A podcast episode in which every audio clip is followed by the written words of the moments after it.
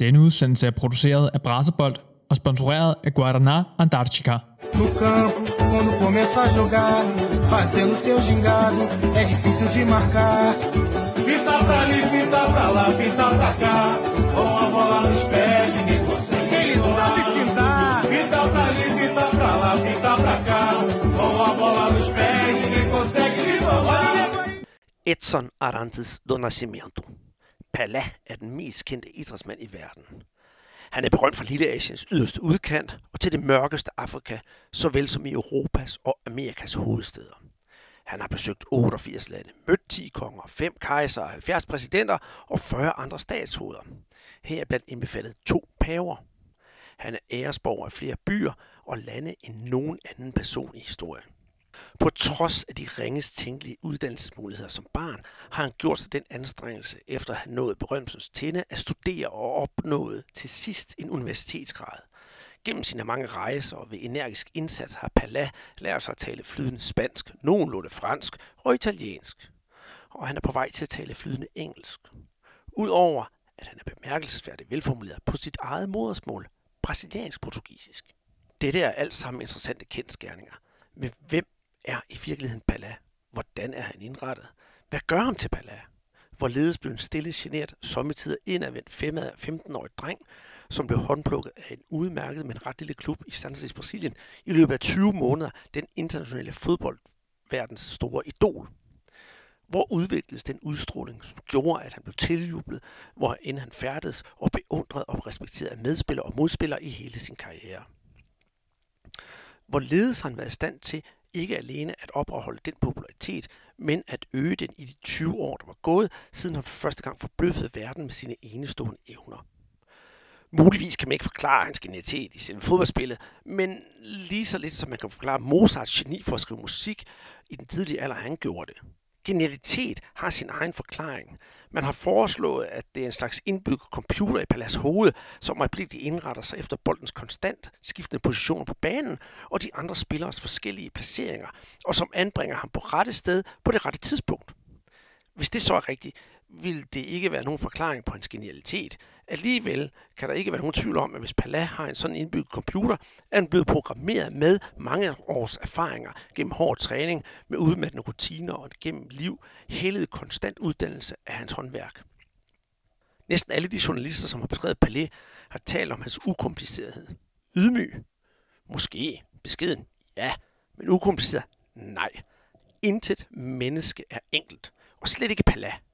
Måske kan vi ved at læse om hans liv, sådan som han selv ser det, forstå en lille smule mere af denne uhyre komplicerede persons mysterium. Sådan skrev forfatteren Robert L. Fish om Pala i bogen My Life and the Beautiful Game tilbage i 1977.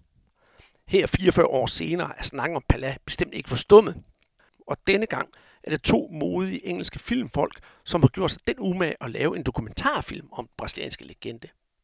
I denne udgave af Brasserbold fokuserer jeg, Andreas Knudsen, på den kommende Netflix-dokumentar om Pala, som er instrueret af Ben Nicholas og David Trihorn. Vores sidstnævnte i øvrigt er kendt for blandt andet at stå bag film om både Kenny Dalglish og tennisspilleren Andy Murray.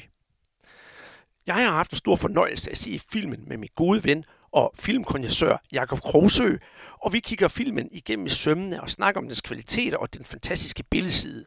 Men inden vi kommer så langt, at vi skal til at anmelde filmen, har jeg haft den fornøjelse at snakke med de to instruktører, som vil gøre os lidt klogere på, hvordan og hvorfor de har lavet en film om Pala. Så læn dig nu godt tilbage. Åbn en kold guaraná. Nyd den, for nu skal vi en tur i hjemmebiografen med Brasserbold. Velkommen til.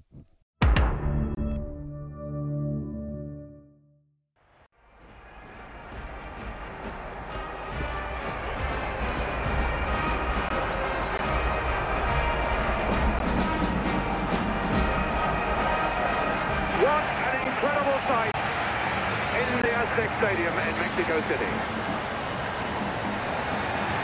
I don't think anywhere ever in the world there's been an atmosphere quite like this.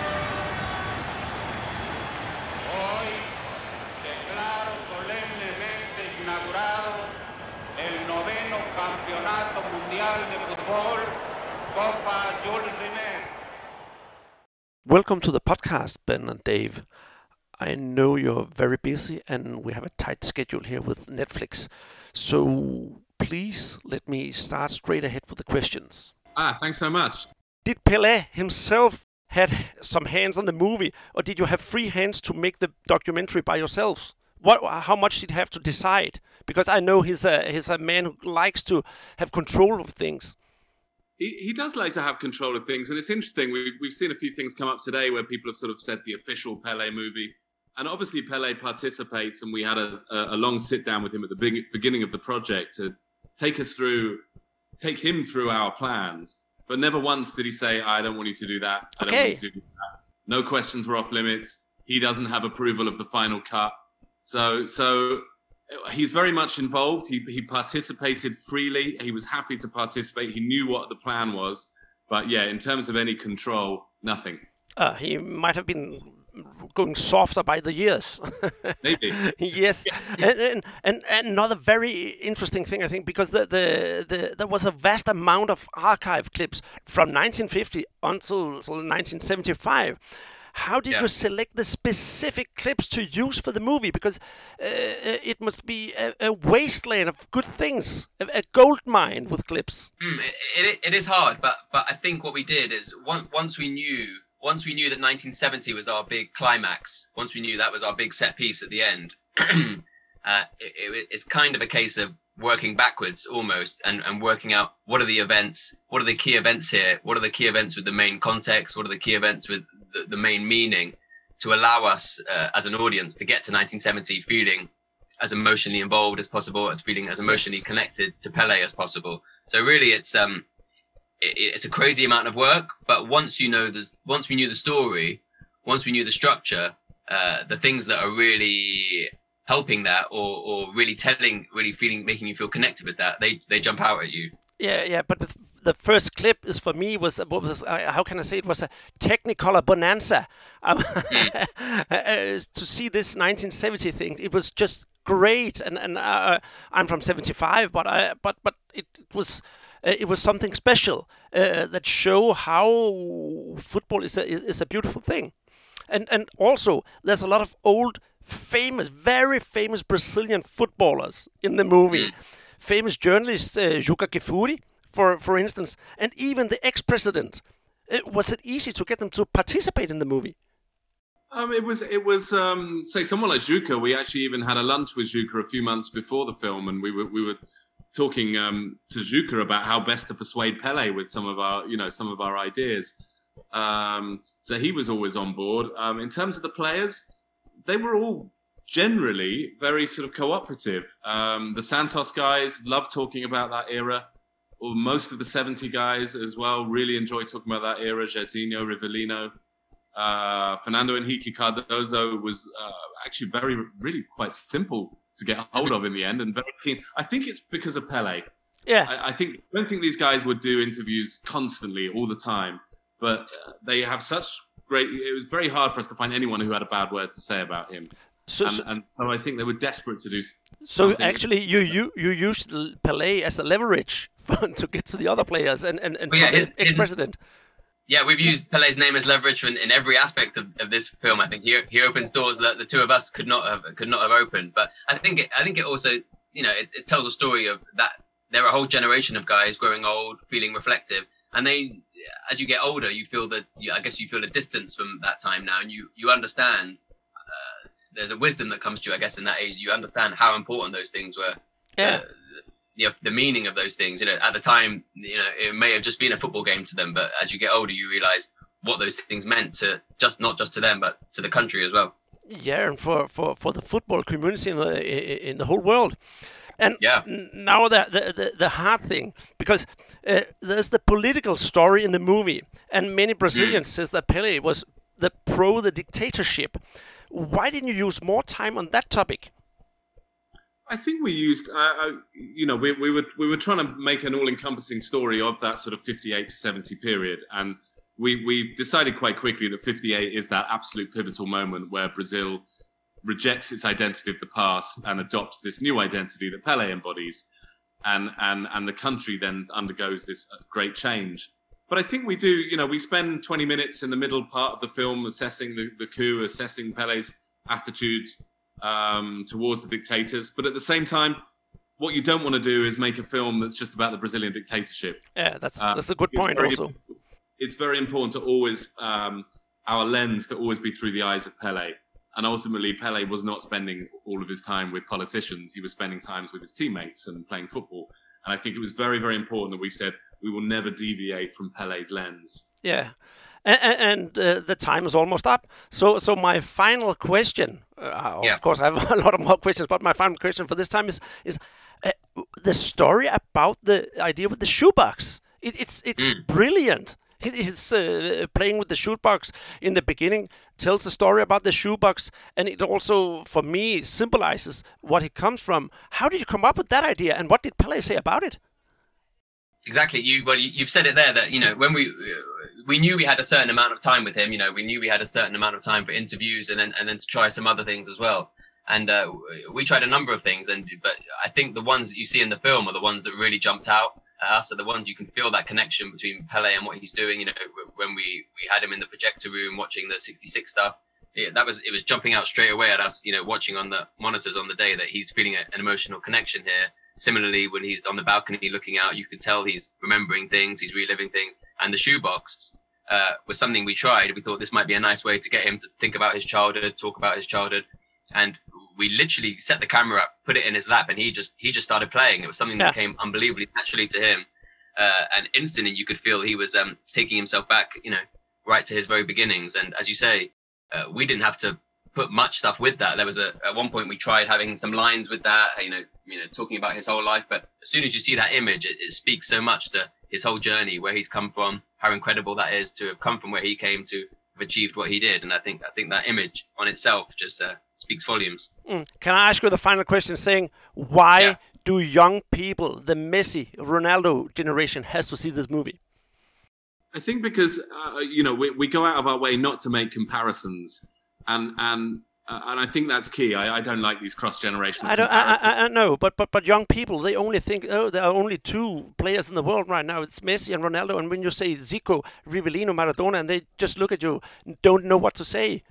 But I, I think what's great for the young generations, they can see the guy who did it first. Exactly you know, maybe precisely. Messi, maybe Messi might be considered better than Pele one day, but what Messi can't do is tread in Pele's footsteps. He can't. Only one guy can be the first, and Pele was kind of the Elvis, the Neil Armstrong uh, of the football world. And I think that's probably what the, the message would want young people to take away from it. Okay, and I hope everyone will enjoy the movie. I've seen it twice, and I hope the movie be- will be a success. Can't wait to That's hear. it. perfect. Thanks so much for your time, Andreas. Really appreciate. Thank you, Andreas. Lovely to speak to you finally.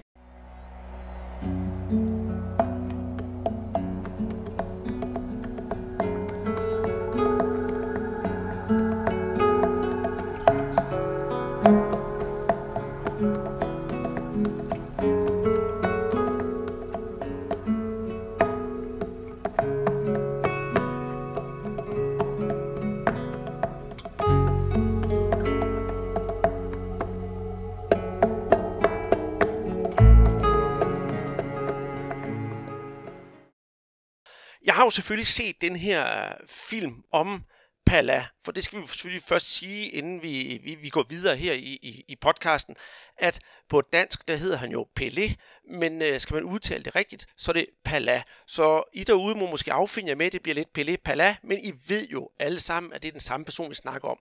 Og nu skal vi så til selve anmeldelsen af filmen. Og det kan jeg altså ikke gøre alene, for jeg har jo brasilianske briller på, så det vil måske nok blive lidt enøjet og anmelde filmen alene.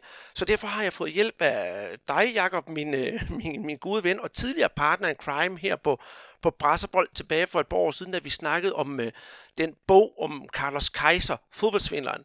Og Jakob, du har jo virkelig fingrene ned i det, der kan man kalde filmmaterien. Du har jo altså en, øh, en akademisk baggrund, hvad det angår. Vil du ikke have lov til at introducere dig for vores lytter, inden vi går videre til at anmelde filmen her om Pala? Jo, Pala eller Pelé, altså jeg vil nok kommer nok til at kalde ham Pelé, Andreas, men jeg har jo heller ikke øh, de samme forudsætninger som dig. Øh, han er jo en superstjerne, men mere om ham om lidt. Øh, jeg er kendt med i filmvidenskab, så film er ligesom blevet, altså min farmor og farfar havde en, en, en biograf, så jeg blev suget ind i det her filmmedie som, som knægt, og så fortsatte jeg med det, som, da jeg skulle have min uddannelse. Og nu her ja, nu gør jeg ikke så meget på grund af corona, men ellers holder jeg jo introduktioner i biografen. Nu er det ikke længere i Randers, nu er det i Esbjerg. Jeg er ved at skrive en fagbog om, om øh, amerikanske actionfilm, øh, og elsker dokumentarfilmgenren, så det var, har været en, en, det var en fornøjelse at blive tilkaldt over, over, over Messenger til at kunne snakke om den her Pelle-film. Det er, det er jeg rigtig glad for at høre.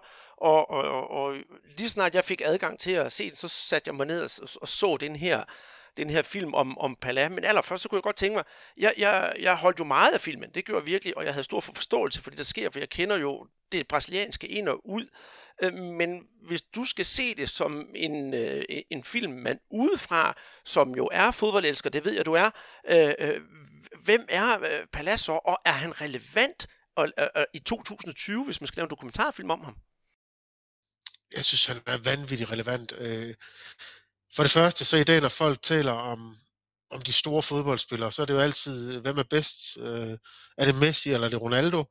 eller kan man lige hive Maradona ind, ikke? men hvis man ser øh, og lige går Pelés øh, statistikker, øh, statistikker igennem som fodboldspiller, altså han stopper også i en meget ung alder, jeg tror han stopper på landshold, da han er 29 eller 30, han scorer helt ufattelig mange mål, og så ligner han en superstjerne, altså de billeder, og det er jo nok det, jeg synes, hvis man lige skal tease filmen mest, det er de der billeder fra fortiden, der træder så tydeligt frem for, for os her i, i 2021.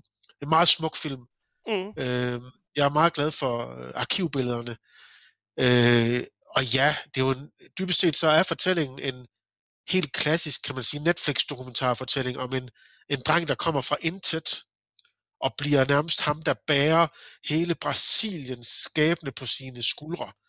Øh, så på den måde der er det jo en, en, en, en helt klassisk fortælling, øh, som bare øh, så handler om en af verdens bedste fodboldspillere nogensinde. Men Andreas, de der specielt billederne fra, det kommer vi også ind på lidt senere, men specielt billederne fra VM 1970, altså, hvor er det nogle sprøde farver, ikke? Altså, i dag taler man om 4K og alt muligt, men prøv at se, hvordan du kunne optage på kamera dengang. Hold kæft, hvor ser det godt ud. Det gør det, det gør det. Jeg stod bare og tænkte på, at det var sådan en, en, en Technicolor rus, og vi skal også lige sige, at øh, VM i 1970, det er sådan et skældsættende VM, hvad medier angår. Det var det første VM, som jeg husker, der blev øh, hvad hedder det, sendt direkte til hele verden, og så var det også det første VM, som blev sendt i farver.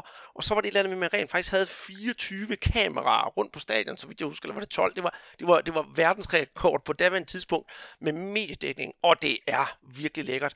Og det er jo filmens anslag er jo rent faktisk det her VM i 1970, og det synes jeg er rigtig interessant, fordi den starter jo rent faktisk med slutningen, og så bliver den jo nærmest fortalt i sådan en slags flashback, der, der ryger tilbage til 1950, og vi følger Palas karriere indtil 1970, hvor den kulminerer. Det er meget klassisk fortalt, det der med, at du rent dramaturgisk starter med, øh, for den starter op med at sige, jeg er for gammel til at spille. Altså den har, den, der, den har en helt klassisk konflikt i starten med, at, at var han overhovedet god nok, Pelé, til at kunne spille hans, hvad var det, fjerde VM i streg, ikke? Så der har du konflikten etableret til at starte med. Var han god nok? Og så ved man jo godt, som, som folk, der ser film, altså senere hen i filmen, så vender vi jo tilbage til 1970. Så det er jo den helt klassiske, altså hvis de har nok siddet instruktørerne og siddet og læst en manual om, hvordan man fortæller en klassisk dokumentarfilm. Du starter med et eller andet catchy, et eller andet spændende, et anslag. Og det er mega spændende. Så går du tilbage og følger øh, Pelé fra han er en, en lille dreng, der, øh, der pusser sko og kommer fra en meget fattig familie. Øh, og hvordan du følger ham op igennem øh, til Santos og den slags. Så Jeg synes noget af det smukkeste i filmen, det er faktisk nu må du lige korrekte mig, hvis det ikke er rigtigt, men det er der, hvor Brasilien øh, taber VM, der er, der er Pelé kun 10 år gammel, så det er vel i 1950 eller 52, hvor hans far er så ked af det, hvor Pelé så siger til sin far, ved du hvad far, du skal ikke være ked af det, jeg skal nok vinde VM for dig en, en gang. Og det, jeg synes, det er, det fortæller også lidt om det, øh, det talent og det drive, den knægt havde, ikke? Øh, Mm. Så det er en, en, en, en, en myteskaber, den her film. Ikke? Altså, det, er jo ikke, øh, det er ikke Disney, der har lavet den, det er ikke Hercules, men det er det, det, det niveau, vi er i. Hvis man også skal være lidt kritisk ved den, så er den jo også øh, så er det en myteskaberfilm. Man kan sige, hvis man skulle have gjort øh, Pelé-retfærdighed, eller hele historien om Pelé og Brasiliens filmhistorie, skulle nok have været afsnit, en sådan en miniserie på seks afsnit, fordi du skøjter lidt og elegant over de problemer, der trods alt har været ved Pelé. Du finder lidt ud af, om han har ikke været en specielt flink fyr over for sin kone. Og så var der noget af det, som det er der, hvor jeg synes, den bliver allermest interessant. Og hvor Pelé for eksempel adskiller sig fra Muhammad Ali. Det er den der, øh, den politiske øh, Pelé, eller den ikke-politiske Pelé. Og jeg synes på en eller anden måde, det er smukt, fordi folk har en eller anden forventning om, at Pelé, fordi han er sådan en superstjerne, så skal han også gøre op med diktaturstyret i, i Brasilien på det tidspunkt, som jo er ret grumt. Altså det er jo en ret sort øh, periode i, i Brasiliens historie. Men Pelé, han er jo egentlig, han siger det egentlig meget rigtigt, han siger, hvorfor skulle jeg gøre det? Jeg vil ikke gøre nogen forskel, så jeg vil hellere give folk det, de gerne vil have, og det er at se Pelé spille fodbold. Øhm, så jeg synes, det er en, en, en, en dokumentarfilm, der også giver en lyst til og det er jo det, jeg synes rigtig gode dokumentarfilm gør. det giver en lyst til at dykke ned i den brasilianske både historie og så Pelés historie. Øhm, så jeg var øh, rigtig godt underholdt. Jeg sad og smilte. Øh, øh, jeg var glad. Øh, arkivbillederne var smukke. Og så nok en helt fin detalje, øh, som jeg vil huske filmen for, øh, det er, øh, den starter op her, hvor vi er tilbage i 1970, øh, og bare det, det er drama, og så kommer, ser vi et helt tomt lokale med en, en enkelt stol på. Så kommer der en gammel mand ind med en rollator. Øh, det er jo så Pelé, der sætter sig ned, og så på et tidspunkt begynder han at, og sidde og tromme på sådan en skopusserkasse. Og det var fordi, han var tidligere skopusser. Og den her skopusserkasse bruger du senere hen. Så rent filmisk er det et ekstremt godt virkemiddel. Øh, meget smukt. Og generelt alle de her interviewscener, hvad enten det er hos søsteren, eller det er journalister, eller politikere, øh, så er det sat i rigtig flotte scenerier. Øh, der er en inde med en frisør, for eksempel en gammel frisørsalon, så der er meget tænkt meget visuelt over det. Og så er det jo det her, det er jo den scoop, de har fået gjort, det her med, at de har fået lavet en, en film, hvor Pelé er med, og det er også derfor, at filmen jo aldrig bliver den her, den bliver aldrig, for jeg vil ved med, at hvis der er nogen, der har grebet det an på en anden måde, kunne man godt have lagt en mere kritisk vinkel på Pelé. Fordi han har jo også været en, jeg tror ikke, han altid har været lige nem at arbejde sammen med, men det her, det er ligesom, øh, heltehistorien om Pelé, øh, hvor Pelé selv spiller en central rolle. Øh, han bliver interviewet, han sidder med al sin livsvisdom. Og så er det jo fantastisk, Andreas, at se alle de der, mange af hans gamle holdkammerater, der stadigvæk er i live. Altså mm, de der præcis. gamle, gamle mænd, der sidder og... Øh, så jeg, for mig at se, der er det sådan en film, der både... For mig, der, jeg ved en masse om fodbold, men jeg ved ikke vanvittigt meget, der er den god. Mm. Og jeg tænker for dem, der måske ikke ved så meget om fodbold, der, det, der, der kan den her gå ind og vise, okay, der var også superstjerner dengang. Mm. Øh, prøv at se den brasilianske kultur. Den, filmen åbner lidt op for det, men hvordan, hvor, hvor, du kan se, hvor passioneret folkefærd det er. Du kan se, øh, når de vinder, de går helt amok. Når de taber, går de amok. Øh, du ser billeder nede fra Brasiliens gader. Øh, så på mange måder der er det sådan en, for mig en rigtig god teaser til at komme mere ind i, i alt det her med, med brasiliansk fodbold. Mm. Men, men mit næste spørgsmål, det vil jo også være til dig, for du ser jo, jo den, og ser de her tidligere stjerner, som er med, som bliver øh, interviewet. Der er, på, der er politikere, der er journalister, der er musikere, og jeg kendte alle sammen i, i, i dokumentaren, vidste hvem de var, undtagen en, og det var politikeren. Men når man ikke kender dem, øh, bliver man så ikke en smule fremmedgjort, eller åbner det bare øh, endnu mere for at sige, gud, øh, det her det er måske nogen, jeg ikke kender, men det er langt de fleste af de her gamle fodspillere, det er nogen en hver øh, brasilianer over 50 vil smile, når de ser vedkommende sidde og snakker. Men det er jo netop det, den kan, fordi for dig, der bliver det en, jeg kendte et par af dem, men for mig, det bliver ikke fremmedgjort overhovedet, fordi der er den her, der er den her glæde, og det er jo det her med, at det er jo ret tydeligt, at, at alle, der har haft noget med Pelé at gøre, og som har, har levet på det tidspunkt, de ved, hvem han er. Så du kan mærke, at det er ikke bare en anden tilfældig fjols, der er blevet hævet ind for gaden, ligesom jeg bliver nu hævet ind af dig, der så skal udtale mig om et eller andet. Nej, det er jo øh, store journalister, det er, så vidt jeg husker også nærmest en, en tidligere politiker, det er tidligere storspillere, øh, det er tidlige mestertrænere, så altså det eneste man selvfølgelig, det gør man jo i mange dokumentarfilm på et eller andet tidspunkt, så kan man jo ikke lige præcis huske, om de alle sammen er, fordi de kan jo ikke hele tiden blive ved med at putte skiltene op, øh, men det er jo, det er jo småting. Mm. Mm-hmm.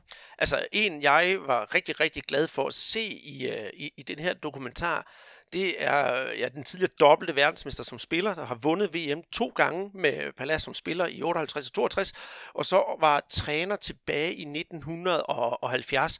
Øh, Mario Lobo Zagallo, manden, han er ja. over 90 år gammel, og han sidder stadigvæk øh, fuldstændig skarp og sidder og fortæller om, hvordan fodbolden var dengang, at han var en ung, rangle dreng, som ingen regnede med, og vupti, så ender han som den der træner i 70, hvor der var noget polemik, meget, meget interessant også med den træner, der var lige før 1970, øh, Saudania, nogle, nogle, nogle ting, der bliver snakket om Pala, som, skulle, som var blind, og så var skulle øjenoperation osv. osv. Rigtig interessant. Men vi har Zagallo, at du får sådan et kyrofag til at stille sig op, fordi han har det ikke særlig godt fysisk på grund af alderen, men stadigvæk kan huske tilbage. Det synes jeg også er rigtig flot gjort i filmen. Jamen, det er, øh, det er maløst, og du er selv inde på det en af de der øh, helt vanvittigt spændende konflikter op til VM 1970, hvor ham træneren, og man får at vide, at nogle af dem, der kender ham, at, at han godt kan lide en, en, en god løgn. Så tager den her konflikt op mellem øh, Pelé og den træner, nu kan jeg ikke huske, hvad han hedder, men der er, nærmest, der nærmest i sådan en i sådan en helt fake news-agtig verden. Altså han er nærmest helt Donald Trumpsk jo, fordi han, han går ind og, og nærmest opfinder, af, at Pelé han er ved at blive blind. Øh, og så bliver Pelés gamle marker øh, hævet ind fra sidelinjen, ikke? At det er jo en smuk historie. Mm, det er det, og, og, og jeg tænker i den her sammenhæng, nu vi, vi, vi begge to har set filmen, den var knap øh, to timer, og øh, vi, har, vi har selv snakket om nogle af de her konflikter, der er i, i, i filmen. Jeg synes, øh, den, den for, formår faktisk, selvom den godt kunne måske krasse lidt mere ved steder, at, at balancere på den her, på den her knivsæg. For eksempel det med militærdiktatur, som du snakkede om tidligere, at øh, der går jo også de der historier om i Brasilien, at han forhærligede øh, militærdiktaturet, men det undgår man selvfølgelig at snakke om, men Pelé har garanteret også haft noget at skulle have sagt i den her dokumentar. For alle de film, hvor han er med og har været med på en eller anden måde, så vidt jeg ved, der har han altså skulle have en finger med i spillet. Så jeg synes alligevel, den formår at, at, at balancere godt, og så kan jeg faktisk også godt lide, vi, vi afslører ikke rigtig noget i, i det her ved at fortælle, at den slutter i 1970, altså hvor det kulminerer. Der er lige noget efterskrift og sådan noget, der lige fortæller, hvad der sker bagefter. Men fra 70 og frem efter, øh, da Pelle han stoppede sin karriere, der skete der alle mulige omvæltninger. Han blev sportsminister, han kom sammen med en 20 år yngre øh, børne-tv-stjernemodel, og, og så videre, og så videre, og så videre. Noget, som måske ikke har været noget, der sådan har været kulørt. Øh, jo, i den kulørte presse var det, men interessant for hans fodboldkarriere. Han har også haft nogle økonomiske problemer, og en søn, der har været i fængsel, og så videre. Det undgår den efter min mening gudskelov at snakke om, fordi øh, det her det skal handle om fodboldspilleren Pala, og så det personlige, det kommer måske en lille smule i anden række, men ikke så meget, at, øh, at vi ikke får noget at vide om selve baggrunden bag. Nu snakker vi om det der med damerne, der var der, og, og, og, og da han tog til, til, til, til den onde præsident i Brasilien på det tidspunkt for at blive hædret. Men og det er jo en vigtig pointe, fordi øh, det er også derfor, det er vigtigt med det her 1970, for det sætter jo en ramme om fortællingen. Altså det er jo også, jeg, jeg, jeg, jeg, jeg sad lige og holdt øje med det, når, da vi bare er 8 minutter og 30 sekunder inde i, i filmen, der er vi allerede ved, det, ved VM i Sverige, så der har du allerede fået både hansled, og du har fået øh, alt overstået med, hvad der skete med Pelé, før han blev fodboldspiller. Så der er et, et øh, den er ret øh, stramt skåret, den her film, kan man sige. Øhm, men det er også derfor, jeg synes, at den fungerer. Hvis du spørger mig, hvad jeg godt kunne have tænkt mig, øh, og det er jo altid utopisk, fordi hvordan er, øh, vil man have director's cut? Vil man have, at det er jo hele den der evindelige øh, snak om, for eksempel er Aliens, er den bedste i director's cut eller ikke? Altså det er jo hele det her, nu er det her den færdige film, vi har, så, vi har set, øh, og der må man bare konstatere, at den er ret god. Øh, og jeg kunne godt måske bare have tænkt mig lidt mere uddybet med konflikten, fordi øh, som jeg har sagt før, så er det jo også en, en det er jo en pro-pillefilm, og det, det, er jo, han, det er jo sådan, det er. Øh, fordi han bliver jo virkelig præsenteret som, øh, det er med et af de helt stærke citater, der er til sidst, hvor der bliver sagt noget med lignende, hans legende var vores legende. Så det er ligesom, fortællingen om Pelé øh, bliver også fortællingen om Brasilien. Øh, altså han er jo nærmest sådan en, en lidt messias-skikkelse, øh, bliver han jo øh, her i filmen, ikke? Øh, og, og det fede ved det, det er jo ikke, det er jo ikke, det er jo, han, han lader fødderne tale tit og ofte, ikke? Fordi hvis du ser, som han siger på et tidspunkt, også det der med, hvis du skal blive en god fodboldspiller, så skal du være god på alle pladser på banen. Og så ser man sådan en klip med ham, hvor han også er målmand, og hvor han faktisk laver en ret fed redning. Øh, nu tror jeg ikke, Pelé skal misbruges i, i mål, men han havde et, øh, et helt van, vanvittigt blik for spillet, Andreas. Sådan helt øh, øh, klinisk, kynisk, lejende på samme tid. Ikke? Øh, altså hvis du så ham spille i dag, ville han også være verdens bedste fodboldspiller. Mm. Og det er jo det der med, at, at en af pointerne i filmen er jo også, at europæisk fodbold på et eller andet tidspunkt har gennemskuddet brasilianerne. Og det har vi jo set flere gange, også i, i min levetid, øh, hvor man nogle gange har tænkt, okay, nu, nu kan brasilianerne ikke, brasilianerne ikke mere, men de genopfinder jo altid sig selv. Og man kan sige sådan en som Pelé, eller Neymar, eller Ronaldinho, øh, hvis du skal have nogle af de der, nu udtaler dem jo også frygteligt forkert, det ved jeg jo godt, men, men øh, du kan jo ikke lægge bånd på dem. Øh, altså de, de, ja, selvfølgelig er de blevet mere taktisk præget, men de har jo det der, du kan nærmest se på dem, når de spiller, og de, det er den der, det ser du sgu ikke så mange steder i Europa, du har det der smil på læben, ikke? Altså, Præcis. Og det, bare det, når de løfter Pelé op i, i 70, det der med, du kan se, ja, han er en verdensmand, men han er også en glad dreng, og det er derfor, jeg så også så godt kan lide den her film, fordi dybest set, så taler den jo også ind til, at fodbold er en leg. Du skal have det sjovt. Så kan man så lige sige, at Pelé bliver bare født på et tidspunkt i verdenshistorien, øh, hvor der sker meget i Brasilien. Øh, så han bliver et billede på mange ting, men dybest set, så er han jo den her lejende knægt. Han er jo ikke, jeg tror også, det er det, der stiger ham til hovedet med, med kvinderne og alt det der, fordi dybest set, så tager du en person, øh, og sætter ham ind i nogle miljøer, han normalt ikke skal være i. Han er også med i de der øh, tv-reklamer og alt det. Og det er jo, hvad det er. Men når du skræller alt det af, og så ser på den nøgne skikkelse, eller ikke nøgne, men Pelé med bukserne på, trøjen på og bolden foran sig, så får du sådan, så, så kommer den her film frem til, at her har vi et, et geni med en bold. Øh, mm. Og han kunne også spille hende andre gode. Og øh, noget af det helt vanvittigt fede detalje også, det er der, hvor, hvor 1970, hvor der er, der er en af Pelés marker, der kommenterer på den, og så fryser filmen, ligesom du ved i dag, når man ser fodbold i onsite, så fryser de filmen, så kan ja, de analysere det. Det gør de, Ja, det er, sådan, det er, og, jeg ved, detalje, nu afbryder det, hvor han siger, jeg ved, han ligger bag, med, bag ved mig, og jeg vidste, han var fri. Ikke? Altså, altså, altså det, ja, der, det ja. er simpelthen også, det er et af de scener, jeg er rigtig blevet fat i, og så ligger han den bare tilbage, og bum, og så, så bliver der scoret.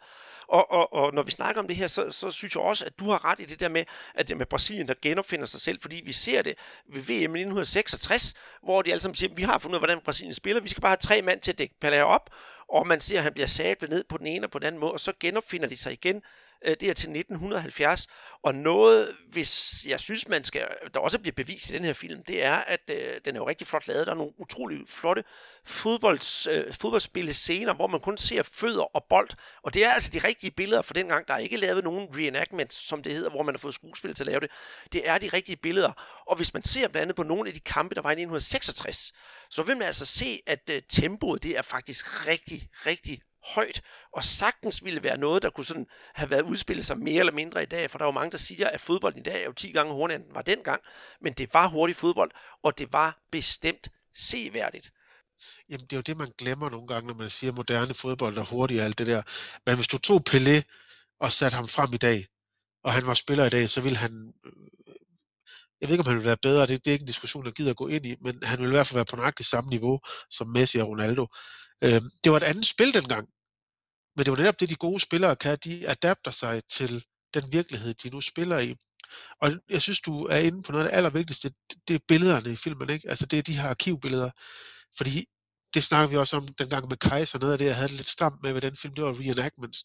Men her, der er det, det er sgu ægte billeder, ikke? Det er sådan en, ja, det er en fortælling om fodbold, men det er også en, en, en, en meget vellavet øh, dokumentarfilm, rent visuelt. Øh, den er klassisk fortalt, ja, 100%, øh, og den har måske øh, lidt skøjter lidt over nogle, øh, nogle punkter, men det er det, er det jeg vil kalde øh, good family entertainment på en eller anden måde, ikke? fordi det er jo en film, jeg også vil se, når jeg lige får tid til det, øh, se sammen med Frode, ikke? Fordi, og så se, okay, det er jo fedt for os, Andreas, også, fordi øh, det er jo sådan, jeg, min far nok også vil elske at se, ikke? Fordi det var fra den gang, øh, min far var der, så bliver det ført op med, at nu sidder Pelé her, han er en gammel mand nu, men han er stadigvæk i live, så du mærker både på den smukkeste måde historiens vingesus, og så ser du vitaliteten i fodboldspillet. Lige præcis. Altså, hold op nogle kasser, han kunne score. Han kunne hætte, han kunne frispark, han kunne...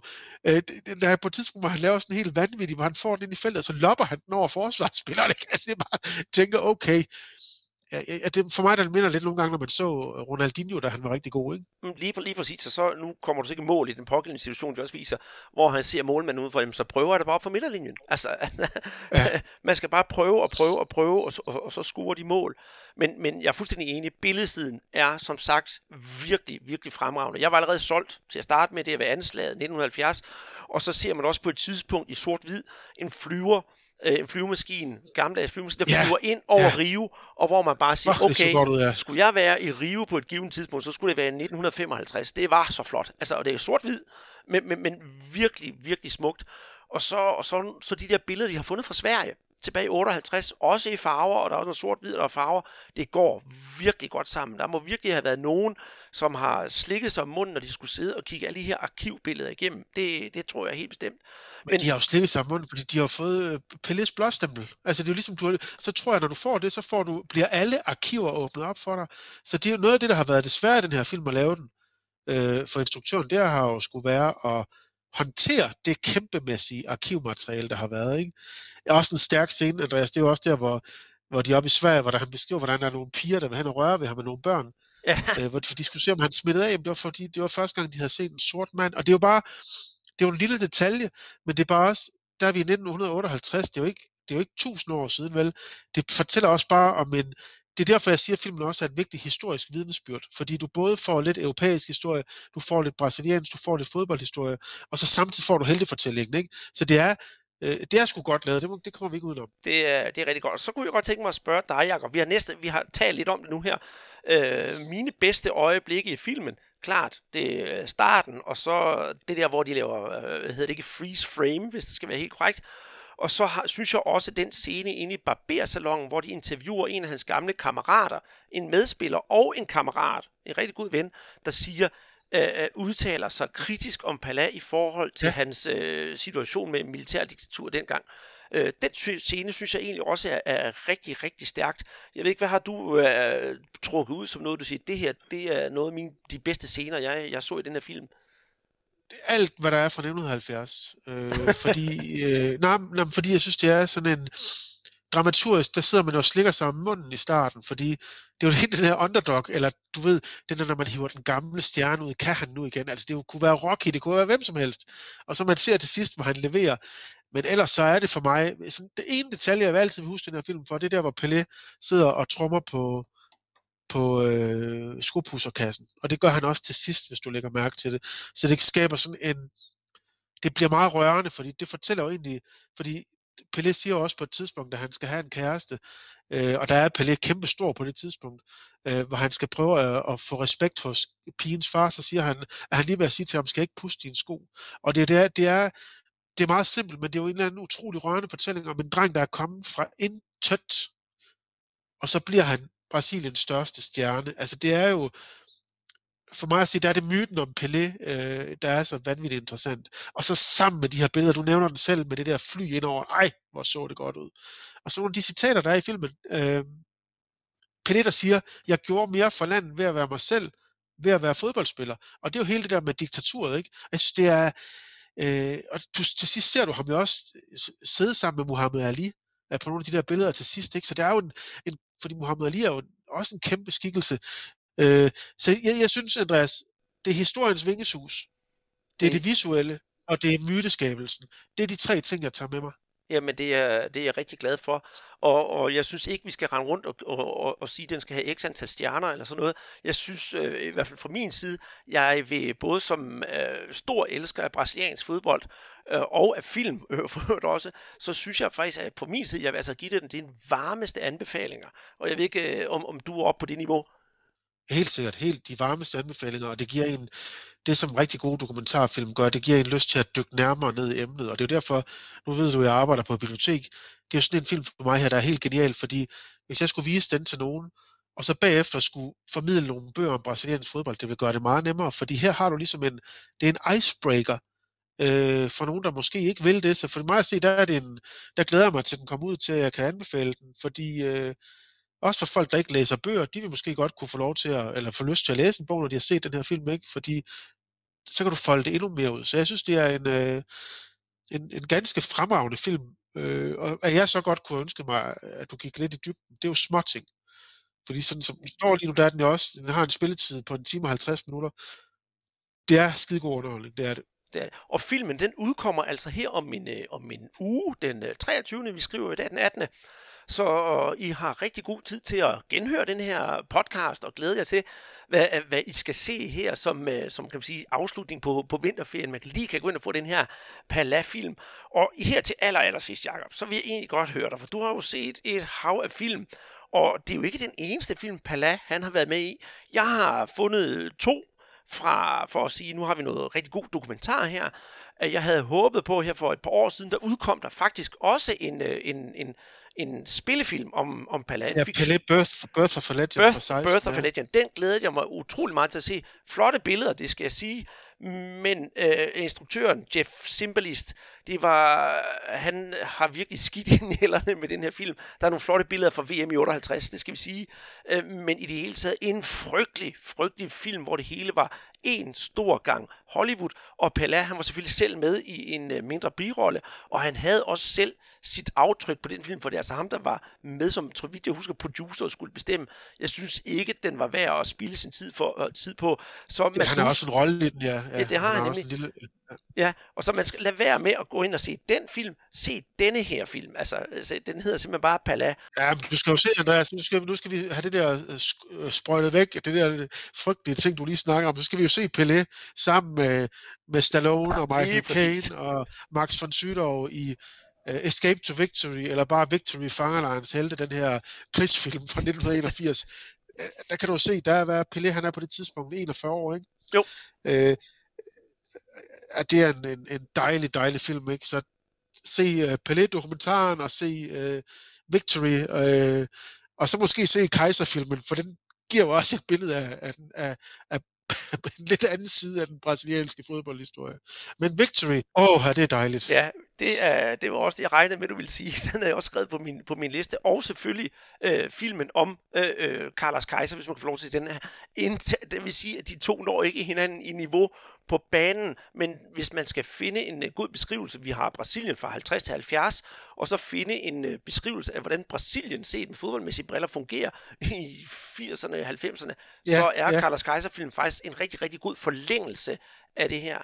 Jamen, øh, Jakob, jeg synes, vi kom rigtig godt rundt om, om den her film, og jeg skal også lige som sidegevind sige her, nu siger du, du skulle se den med Frode, det er altså din søn, så har vi også Ja. det på plads, og jeg skal også se, det med, øh, se den med mine drenge, nu skulle jeg lige se den med mine anmelderbriller, anmelderbriller først, og jeg glæder mig til at høre folks respons på den, når den kommer her den, øh, den 23. Og jeg er glad for, at jeg måtte hive fat i dig i den her øh, coronatid, og du havde tid til at snakke brasiliansk fodbold, og ja, måske den største brasilianske fodboldspiller, der har eksisteret til, til dato. Ej, Andreas, den, den største, og muligvis, vi kan lige så godt være ærlige nu og sige det, øh, og nu ved jeg godt, der er også lavet en fremragende dokumentarfilm om Maradona, men øh, når jeg tænker lidt over det, så øh, er Pelé for mig øh, den største, også øh, når man ser den her film øh, som myte, øh, som myteskaber. Øh, så for mig at se, det er den største øh, fodboldspiller nogensinde. Jeg synes, jeg synes, det er Pelé. Det glæder mig enormt at høre, Jakob. Og det var fantastisk, du har lyst til at være med til at anmelde årets indtil videre bedste sportsdokumentar. Som sagt har filmen premiere på Netflix den 23. februar, og hvis man holder af flotte billeder og fodboldnostalgi, er dette filmen, du skal se. Den havde godt nok gjort sig bedre på det helt store lærred, men på Netflix er jeg sikker på, at den vil blive set af mange flere, og kærligheden til brasiliansk fodbold vil blomstre. Denne podcast havde ikke kunnet lade sig gøre at lave uden at hjælp fra Guadalajara, Netflix, Mediano og ikke mindst Ben Nicholas, David Tryhorn og min gode ven Jakob Krogsø. Jeg håber, I nød, hvad I hørte. Mit navn er Andreas Knudsen, og dette her er Brasserbold. Husk at følge os på de gængse sociale medier, og skriv endelig til mig, hvis I har spørgsmål eller et emne, jeg skal tage op. Vi ses inden længe til en ny udgave af Brasserbold. Jeg var lige med mig.